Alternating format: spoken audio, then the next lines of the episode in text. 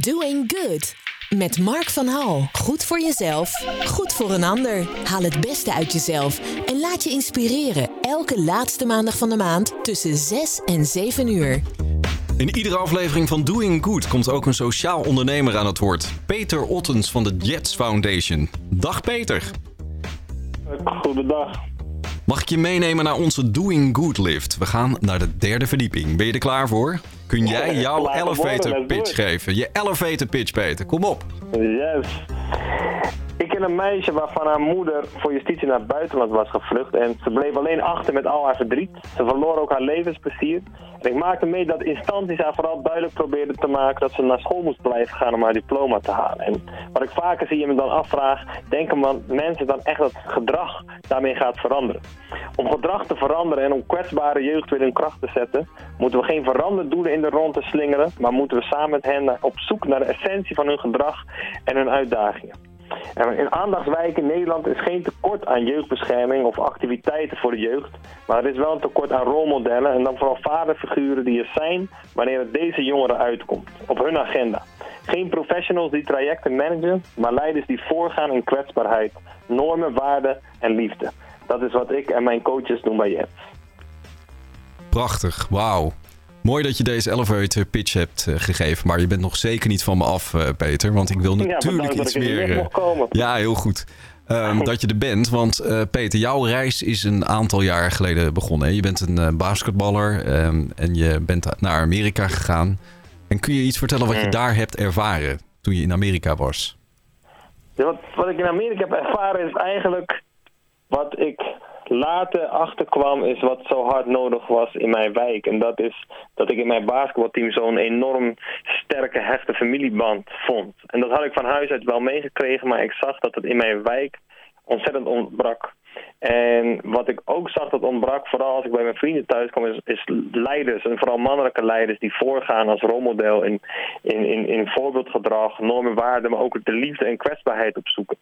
En ik vond het in mijn coach. Die was echt ontzettend streng voor ons. Die eiste discipline. Hij liet ons hard werken en daagde ons uit iedere dag om het beste in ons naar boven te halen.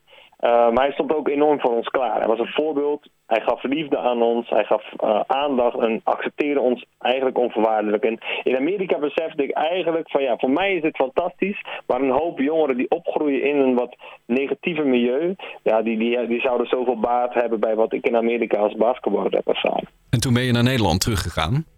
Wat heb je daar gedaan? Ik, uh, ik ben in eerste instantie een bedrijfje begonnen waarmee ik workshops ging geven. Om jongeren eigenlijk via de basketbal ook te inspireren hun dromen waar te maken. En dat ging op zich uh, heel erg goed. We gaven workshops op scholen, maar door onze affiniteit met de straatcultuur shifte dat heel snel naar uh, jeugdzorg, ook jeugdgevangenis. En op een gegeven moment ging heel de wereld over.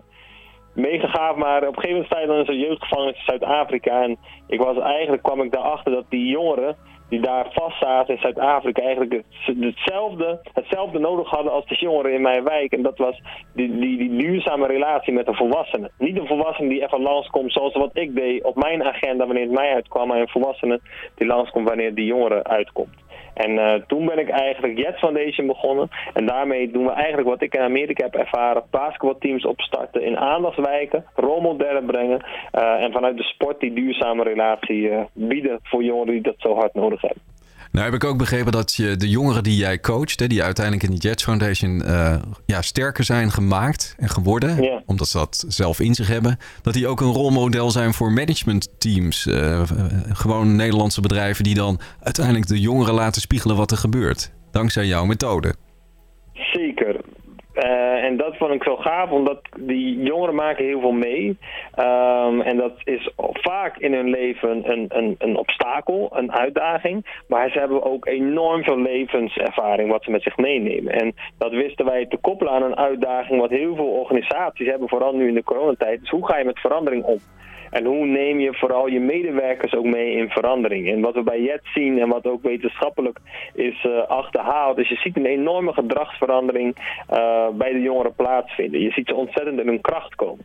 We zijn samen met uh, Wout ten Haven, hoogleraar aan de VU voor organisatieveranderingen, met zijn bedrijf Ten Haven Change Management, zijn we nu aan het ontdekken wat zijn nou die uh, essentiële dingen die we bij Jet doen, die maken dat die jongen verandering in gedrag, die we kunnen vertalen naar het bedrijfsleven. Daar gaan we begin volgend jaar een boek over uitbrengen, maar daar geven we nu al, heel veel uh, teamontwikkelings- en leiderschapstrajecten aan bedrijven.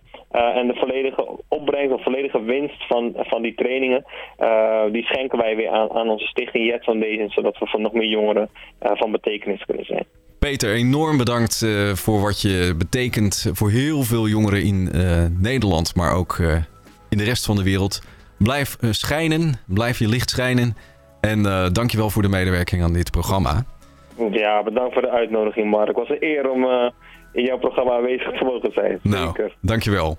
Giel van ja, der Linden, ook ontzettend veel, veel dank voor je aanwezigheid hier. En wij gaan met jouw woorden ook verder. Ik heb geleerd van jou, Giel, dat de knop omzetten heel makkelijk is. Mhm. En het delen van eh, geluk en licht ook makkelijker is dan je denkt. En zie het vooral in je eigen ogen ook. Hè? Vergeet niet af en toe gewoon in de spiegel te kijken. En als je goed in de spiegel kijkt, zie je altijd dat glinstering Dat kleine lichtje. En hoe meer aandacht dat krijgt, hoe groter je geluk wordt. Mhm. Heel erg bedankt voor jullie aandacht. En tot de volgende keer. Doing good. Goed voor jezelf. Goed voor een ander. Van koken tot wonen en van gezondheid tot showbiz. Good Life Radio.